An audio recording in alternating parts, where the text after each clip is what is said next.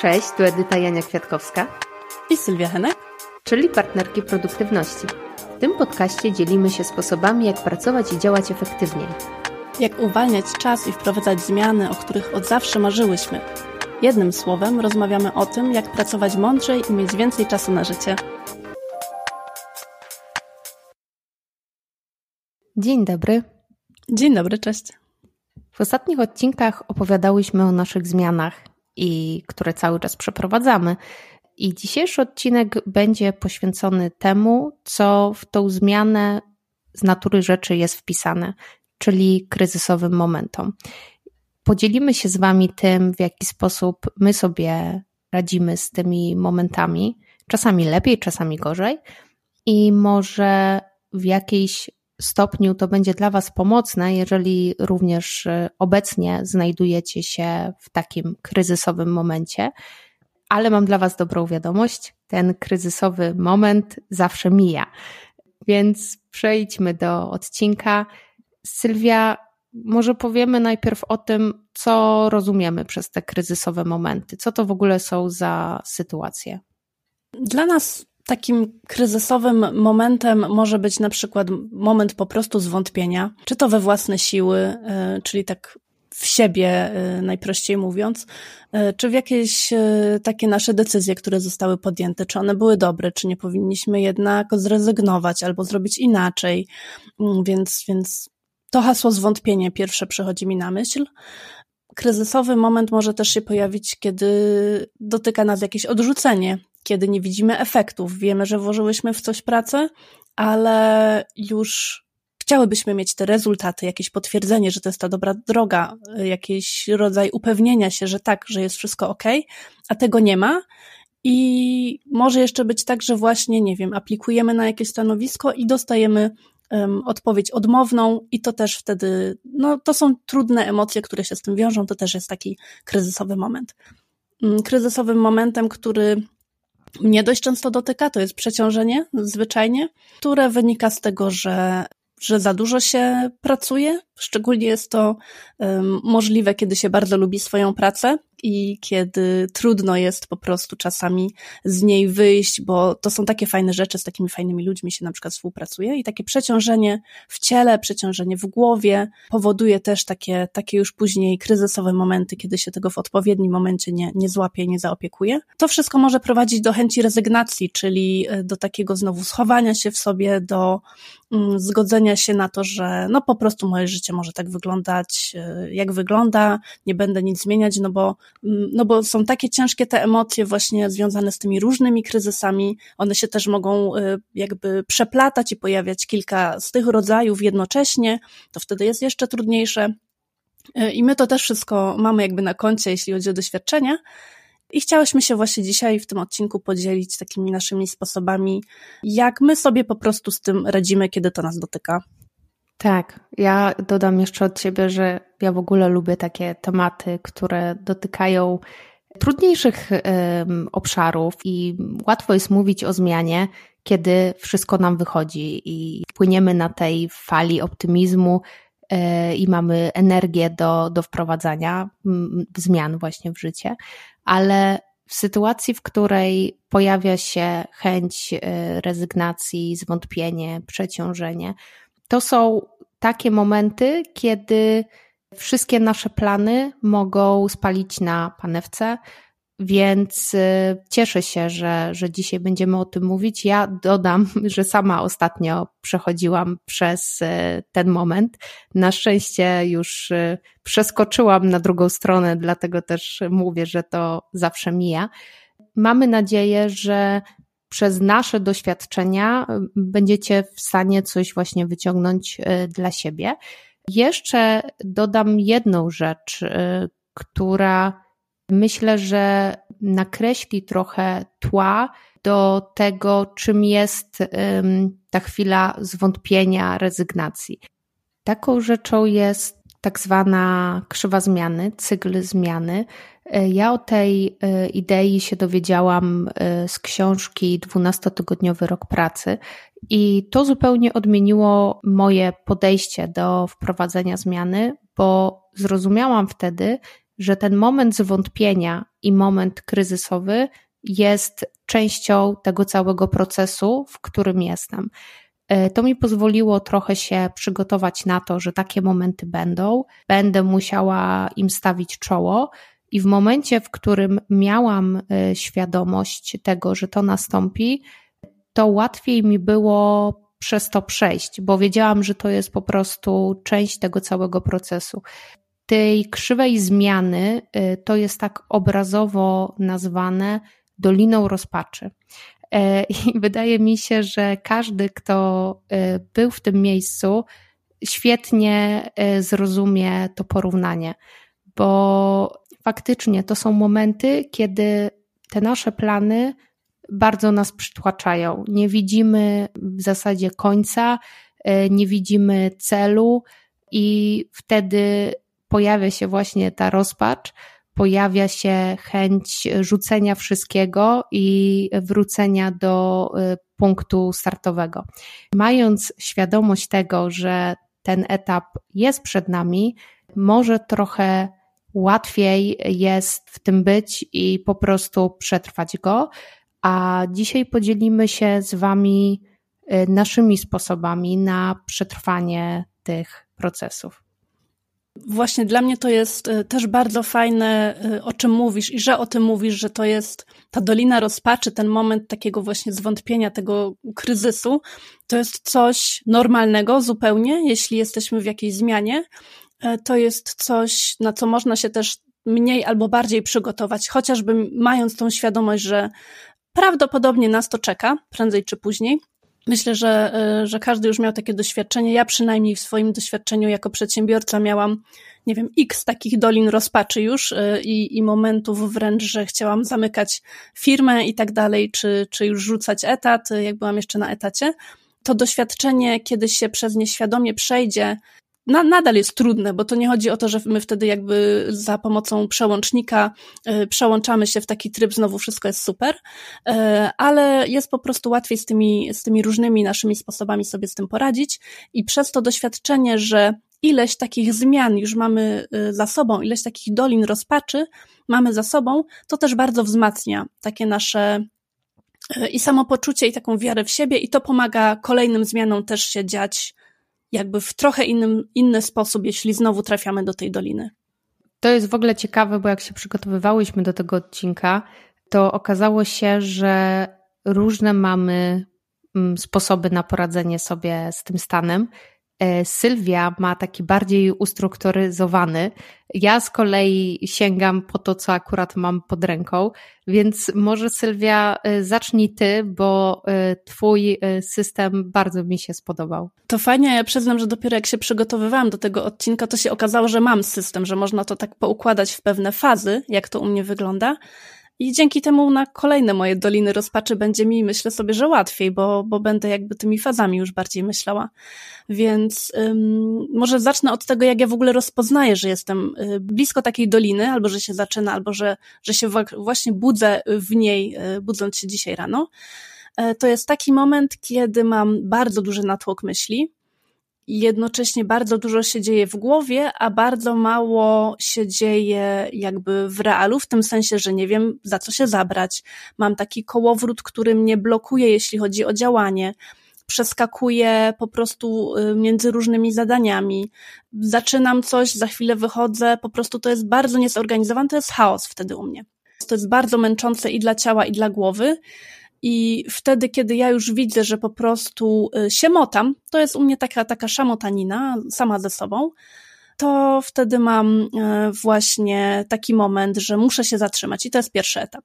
To jest w ogóle ciekawe, bo y, wydaje mi się, że u mnie tak samo to się objawia, więc może to jest coś uniwersalnego, że faktycznie jest to takie przytłoczenie ilością zadań, nie wiadomo za co się zabrać, nie wiadomo w zasadzie takie. Ja mam taki obrazek przed oczami takiej żabki skaczącej po różnych kamyczkach i po prostu tak przeskakującej między, między zadaniami. Tak, dokładnie. To na tej zasadzie, na tej zasadzie działa yy, i najbardziej chodzi o to, o to zmęczenie już takie po prostu, że czujesz tą frustrację. To zaczyna się robić takie naprawdę nieprzyjemne i dopóki się jest w tym, w tym kołowrocie, to to się robi jeszcze bardziej nieprzyjemne i po prostu ja muszę się zatrzymać, y, żeby trochę się postawić obok, czyli y, jakby wcisnąć pauzę, wyciągnąć siebie z tej sytuacji, stanąć obok i wtedy z innej perspektywy zobaczyć, mm, jak to, jak to wygląda. Podobnie zresztą rzecz się ma w takim momencie, kiedy y, się na przykład borykam z jakimś odrzuceniem, z jakimś, e, zdarza się nawet i czasem hejtem i to jest bardzo ciężkie do, do odebrania, nawet kiedy się już ma jakieś tam sposoby na, na radzenie sobie z, z takimi emocjami, więc nie tylko jest takie przytłoczenie pracą i tak dalej, jakimiś tam e, życio, życiowymi zadaniami, e, ale też właśnie takie przytłoczenie emocjami, kiedy po prostu czujemy, że kręcimy się w kółko, najprościej mówiąc. Więc pierwsza u mnie taka faza to jest zauważyć w ogóle to, i to już jest takie naprawdę, y, ja się bardzo z tego zawsze cieszę, mimo że dalej jestem w tych trudnościach, w tych ciężkich y, emocjach, ale kiedy to mam, to już wiem, że okej, okay, to już to jest ten pierwszy krok, już jestem na tej ścieżce ku wyjściu. I y, dla mnie to zatrzymanie właśnie takie jest oparte na kontakcie ze sobą. I to jest bardzo do ciała, bardzo, bardzo takie, żeby wejść w tu i teraz, gdzie ja teraz jestem, co ja teraz robię i jak jest mi w moim ciele. I mi bardzo pomaga na przykład kąpiel.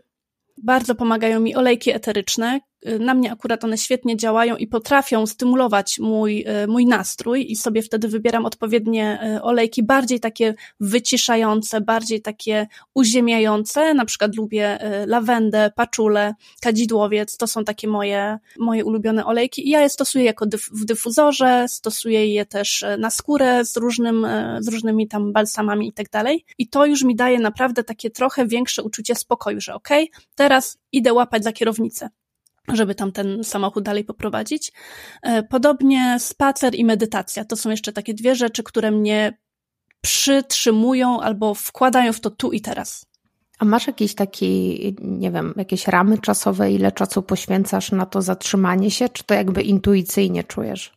Zupełnie intuicyjnie i to nie trwa naprawdę długo. To czasami może być 30 minut y, właśnie takiej y, kąpieli z, z tym balsamem później pachnącym.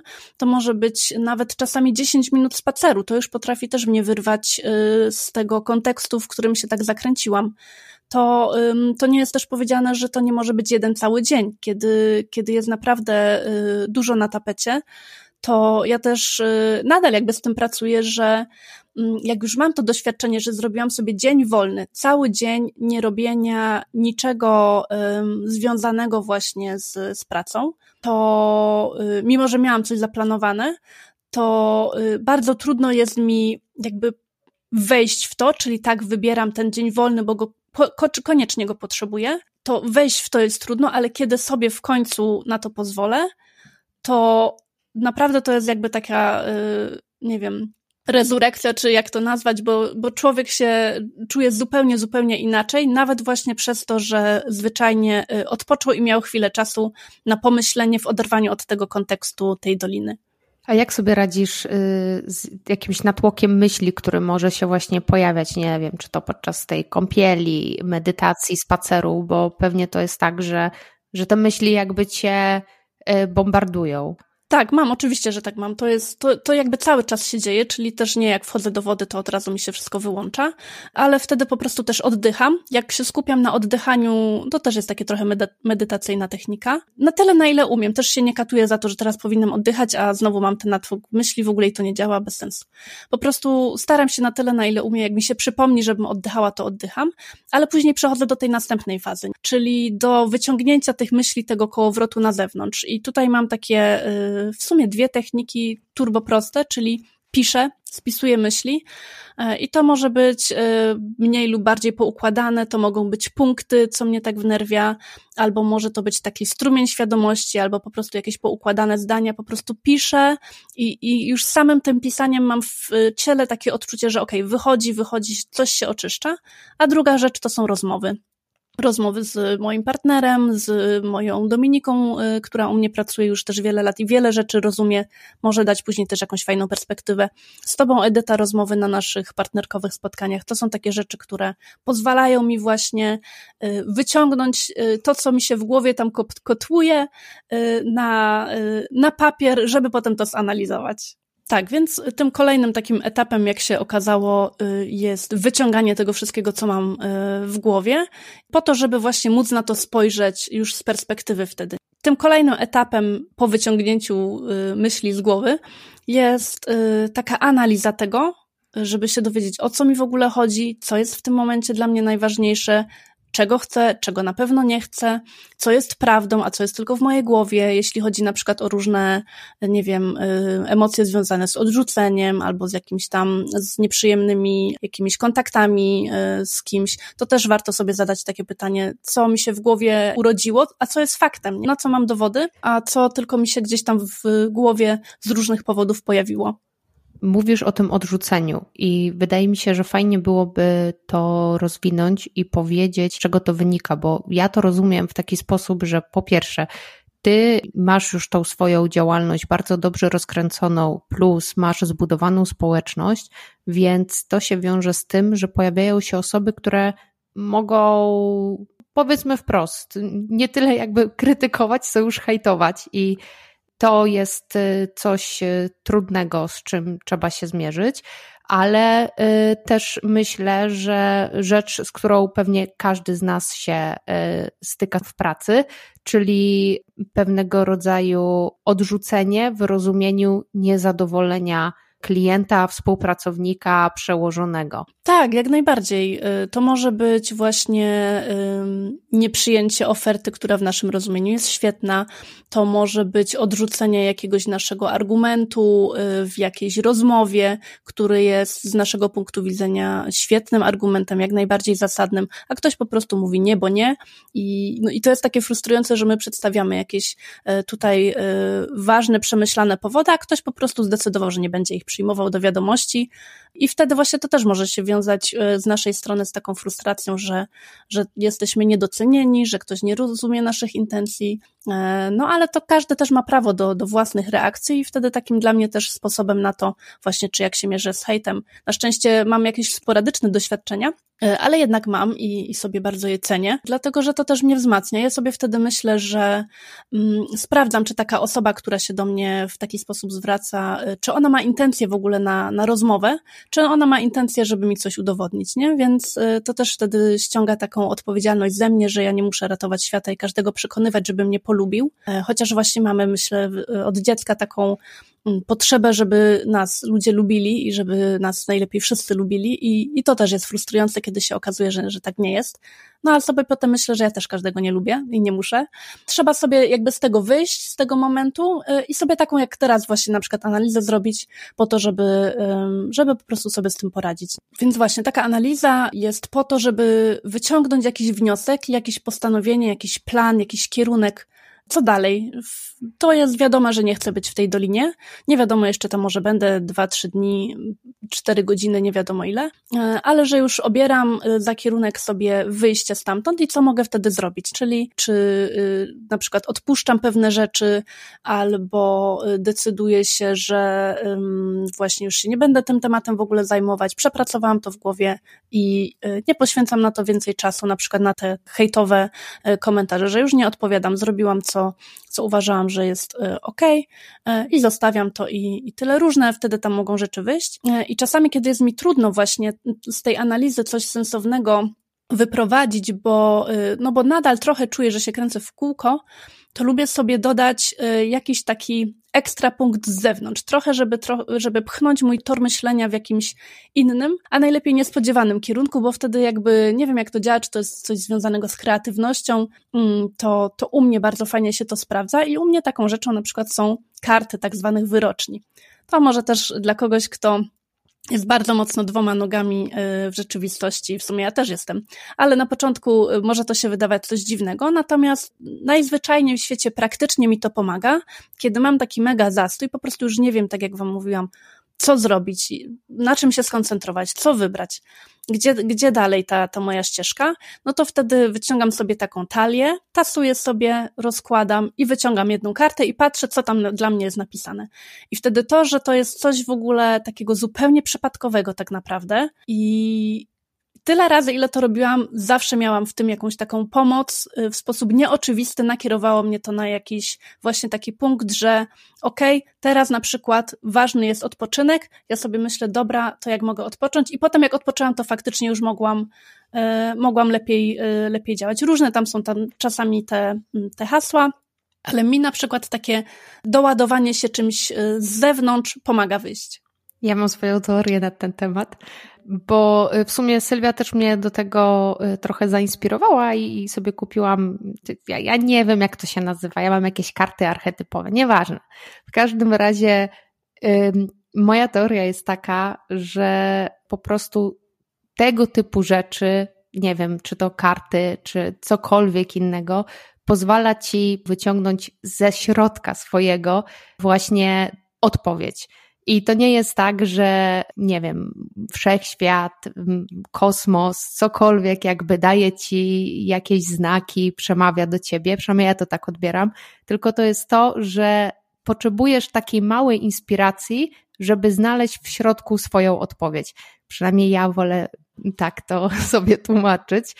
E, ale wydaje mi się, że trzyma się kupy ta teoria, więc e, to jest dla mnie taki dodatkowy element, do y, lepszego poznania siebie i szukania tych odpowiedzi właśnie głębi y, siebie.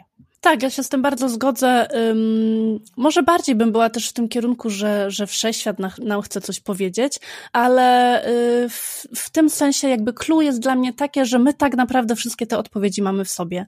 Y, co do tego jestem przekonana, tylko to jest czasami tak za, zagrzebane w jakichś takich właśnie y, i w emocjach, i gdzieś tam w jakichś takich strukturach, do których jesteśmy przyzwyczajeni, że nam nie mamy do tego dostępu po prostu. I czasami musi być coś takiego, jakiś taki impuls, nie wiadomo skąd, po to, żeby, żeby to wydobyć. Że tak naprawdę właśnie my wszystkie rzeczy, o których my opowiadamy, no to właśnie mamy, mamy w, w sobie te kierunki, te decyzje. Jeśli do tego dotrzemy, to jest to najważniejsze po to, żeby to, żeby to odkryć i to nam daje ten kierunek. Te wszystkie odpowiedzi mamy w sobie. A ty jeszcze miałaś taki fajny jeden sposób na tak zwane dokarmianie się tak, to też jest bardzo fajne, szczególnie jak mam taki moment y, zwątpienia co do mojej ścieżki kariery, to y, czytam sobie fajne maile albo fajne opinie moich klientów. Uwielbiam to. Y, to jest coś, o czym też zapominam, że w ogóle są ludzie, którym już pomogłam, którzy są zachwyceni, których y, życie stało się trochę lepsze y, dzięki mnie. Teraz o tym mówię, w ogóle to czuję się bardzo dziwnie, bo to jest może być odebrane jako takie trochę może przechwalanie się czy coś, ale zupełnie nie z tą intencją o tym mówię. E, mówię o tym, że ja wtedy szalenie doceniam to, że mogła mieć wpływ na czyjeś życie, nawet w jakimś drobniutkim stopniu, że ta osoba dała mi o tym znać, a że ja o tym mogę zapomnieć i, i wtedy sobie wracam do tego po to, żeby tych pozytywnych emocji znów sobie, sobie dodać. Mi się bardzo podoba, że o tym mówisz, bo wydaje mi się, że każdy człowiek tak ma, że w jakimś stopniu pomaga innym i inni na jakimś etapie życia dobrze mówią o tej osobie. Żyjemy w społeczeństwie i myślę, że to jest naturalne, tylko że nie każdy do tego właśnie wraca w momentach, kiedy jest mu gorzej. To jest coś, co jest takim bardzo łatwym i szybkim przypomnieniem sobie tego, że jestem na dobrej drodze, robię fajne rzeczy, wszystko jest na swoim miejscu. Więc y, fajnie jest y, mieć to y, w głowie i z tego korzystać. Tak, a nawet bym więcej powiedziała, że to nam daje takie potwierdzenie, że ze mną jest wszystko ok, po prostu, nie? Że, że jestem spoko, że, że nie jestem, że niczego mi nie brakuje tak naprawdę, bo właśnie, tak jak powiedziałaś, żeby sobie o tym przypominać, do tego wracać, ale mam wrażenie, że czasami my nawet tego nie dostrzegamy, że ktoś nam coś dobrego powiedział, że nas docenił, bo jesteśmy znowu w takim trybie jakiegoś autopilota, e, że czasem nawet po prostu sama taka świadomość, że faktycznie mogę sobie teraz poobserwować, czy ja faktycznie komuś e, jakoś tam pomagam, ktoś mnie doceniał, a być może ja wtedy w, wcześniej w ogóle tego nie dostrzegałam. Ja stosuję podobny sposób, tylko że zapisuję sobie w miesiącu fajne rzeczy, które mi się przydarzyły. I to jest e, też takie paliwo właśnie na te gorsze momenty. Może nie jest właśnie powiązane z, bezpośrednio z tymi opiniami e, innych osób, co bardziej z jakimiś fajnymi wydarzeniami, z czymś, co, co, było, co było po prostu miłe, też czasami niespodziewane. Fajnie mieć taką zewnętrzną pomoc w tych y, momentach. A ja jestem bardzo ciekawa, Edyta, teraz Twoich sposobów, bo powiedziałaś, że nie są takie poukładane jak moje i jestem ciekawa właśnie, jakie Ty masz sposoby i od czego zależy to, po który sięgniesz. Zdecydowanie są niepoukładane. I nie wiem od czego zależy to, po który sięgnę. Zauważyłam za to, jak y, opowiadałaś właśnie o y, tych wszystkich swoich etapach, że u mnie też to z reguły zaczyna się od tego zauważenia. Czyli u mnie zawsze tym pierwszym krokiem jest to, kiedy ja muszę sobie uświadomić, oho, to jest ten moment. I czasami mam wrażenie, że, że sobie tego nie uświadamiam od razu, bo mija kilka dni, kiedy ja mam jakiś gorszy humor, y, jestem mniej wyspana. Jakby te rzeczy tak się trochę nakładają, nakładają, i w końcu nadchodzi ten dzień, kiedy dochodzę do wniosku, okej, okay, chyba mamy problem. Y, więc jak już w końcu sobie to uświadomię, to jest moment na takie zatrzymanie się u mnie i, i zawsze wtedy wybieram różne narzędzia, które mogę zastosować, żeby sobie poradzić. Mhm, pamiętam, że opowiadałaś mi, że u ciebie są takie też y, ciekawe symptomy, y, które ci pokazują, że okej, okay, idziemy w tym kierunku, tylko że ty też je dostrzegasz y, jakby później, czyli masz gorszy humor w ciągu dnia. To są też takie ciekawe rzeczy, o których myślę warto powiedzieć, żeby, żebyśmy też sami mogli siebie i nasi słuchacze pod tym kątem może zdiagnozować. Tak, no. Wiesz co, tak, faktycznie u mnie jest tak, że bardzo często jak pojawia się moment taki przeciążeniowy, to y, zaczynam mieć problemy ze snem. W sensie ten sen nie powoduje, że, że jestem wypoczęta jak rano wstaję, tylko czuję się zmęczona. Czasami jest właśnie tak, że E, mimo że planowałam na przykład wcześniej wstać, to nie jestem w stanie, robię sobie jedną drzemkę, drugą drzemkę. E, jestem też taka rozdrażniona, ale bardziej może bym powiedziała, że jestem taka bardziej smutna i stonowana. I jak widzę właśnie te pierwsze symptomy, że one się pojawiają, to y, wtedy zaczynam już, już, już mam teraz ten radar taki bardziej wyczulony, więc jak widzę je na, na horyzoncie, to wtedy wiem, że coś się dzieje i muszę się obserwować.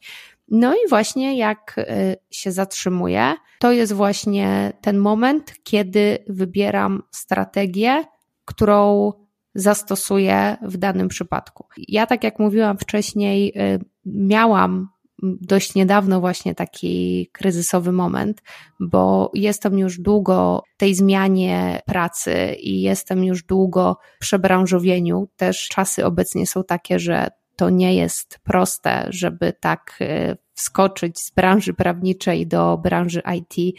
Więc w naturalny sposób pojawiły się u mnie y, te zwątpienia. Wydaje mi się, że strategia, która u mnie się zawsze sprawdza i po którą sięgam zawsze od razu, to jest zredukowanie liczby zadań i rzeczy, które muszę zrobić w ciągu dnia.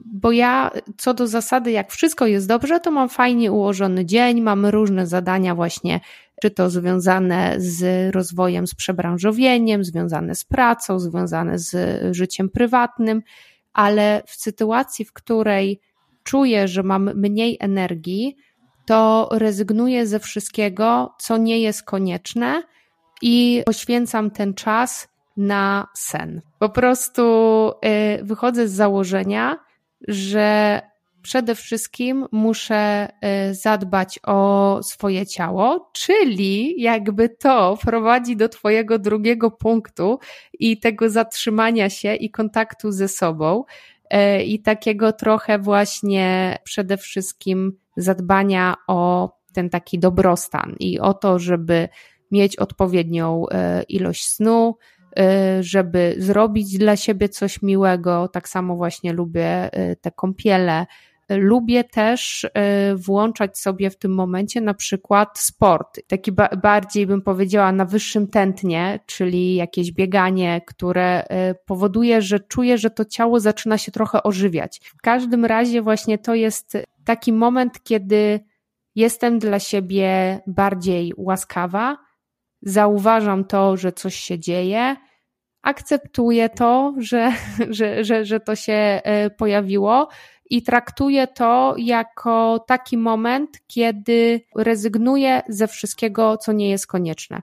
Ja po sobie, jak kiedyś funkcjonowałam, zauważyłam, że nie wiem, czy my kobiety, czy, czy ludzie, czy, czy nie wiem, czy to jest coś totalnie osobniczego, że u mnie występuje, ale bardzo często mamy taką tendencję w momencie, kiedy jest gorzej, do wrzucania jeszcze więcej do pieca. Czujesz się źle, ale zobowiążesz się dodatkowo do tego, żeby coś dla kogoś zrobić, albo żeby się z kimś spotkać. I możesz tych zadań po prostu sobie wrzucać i wrzucać i wrzucać. Od kiedy jakby zaczęłam być świadoma tego, że, że u mnie się to pojawia, to właśnie robię to zatrzymanie i krok wstecz, czyli odrzucam sobie zadania, które nie są konieczne, zrzucam ze swoich barków ten ciężar. To jest dla mnie szczególnie ciekawe, dlatego że tak sobie pomyślałam, że dla mnie sen by był trudny w tym momencie przez ten kołowrót myśli, który ja mam w, bo próbowałam też właśnie jakiś drzemek nawet, ale wtedy, kiedy się kładę, to po prostu jestem nadal zmęczona i przez to, że jestem jeszcze właśnie bardziej taka w tej ciszy, takiej jak się, jak się położymy, to, że trudno jest właśnie to odpuścić, poluzować, trochę rozpuścić, e, więc to jest bardzo, bardzo ciekawe i jestem mm, ciekawa, czy u ciebie wtedy, jak się kładziesz, to masz już właśnie taki ten krok ku, ku temu rozpuszczeniu, czy nadal też się mierzysz z takimi, że trudno jest na przykład zasnąć, a później jak zaśniesz, to już jest ok, ale że ten start jest trudny, nie? U mnie ze snem jest tak, że y, ja od kilku lat y, albo już kilkunastu nie mam problemów ze snem, bo kiedyś miałam problemy ze snem, że ciężko mi było zasnąć. Teraz jak mam problem ze snem, to on jest związany z tym, że ta jakość snu na przykład jest taka, że, że rano czuję się nie tak wypoczęta jak normalnie.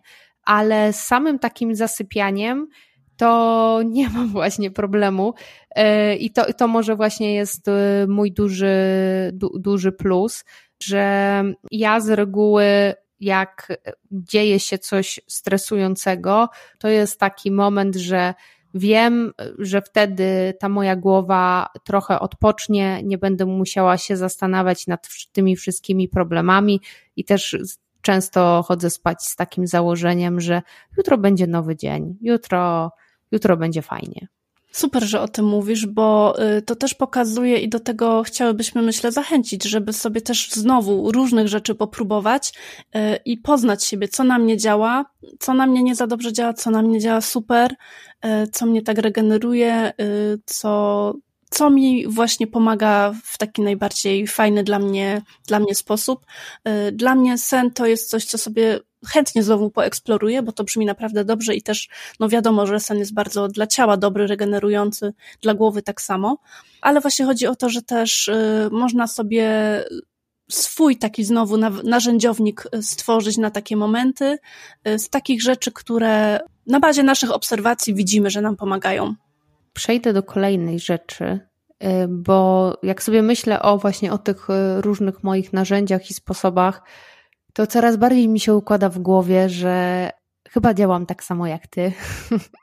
Więc to też, to, to jest właśnie żywy przykład na to, jak e, partnerstwo produktywności e, pomaga lepiej siebie poznawać, bo mamy ten czas na to, żeby zastanowić się nad, nad sobą i właśnie wyciągnąć na zewnątrz rzeczy, o których wcześniej nie myślałyśmy bo u mnie kolejnym e, krokiem jest szukanie przyczyny tego stanu, w którym jestem i zastanowienie się, co mogę z tym zrobić. I e, wydaje mi się, że to po prostu u mnie wszystko trochę dzieje się tak w tle. Czyli na początku widzę, że coś się dzieje, zaczynam być dla siebie y, łagodna i taka bardziej troskliwa.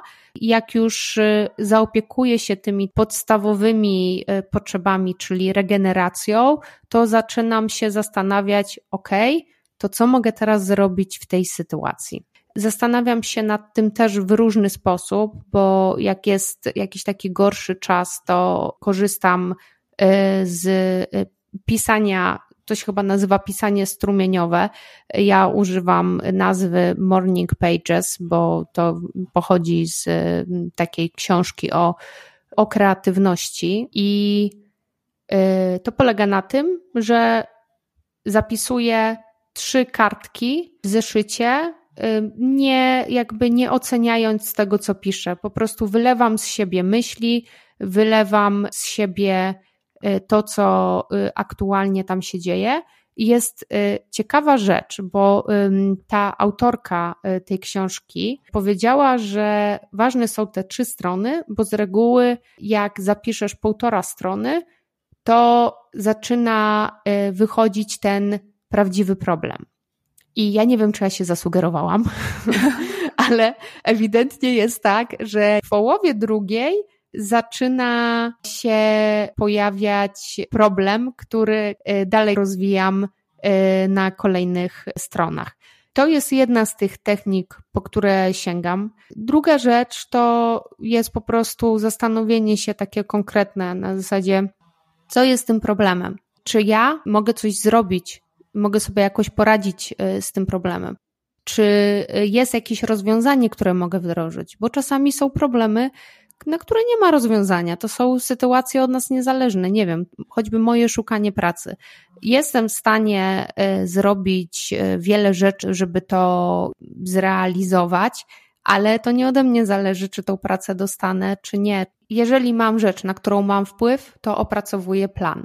Jeżeli jest rzecz, na którą nie mam wpływu, to po prostu traktuję ten moment, tą dolinę rozpaczy, jako coś, w czym jestem i czekam, aż minie.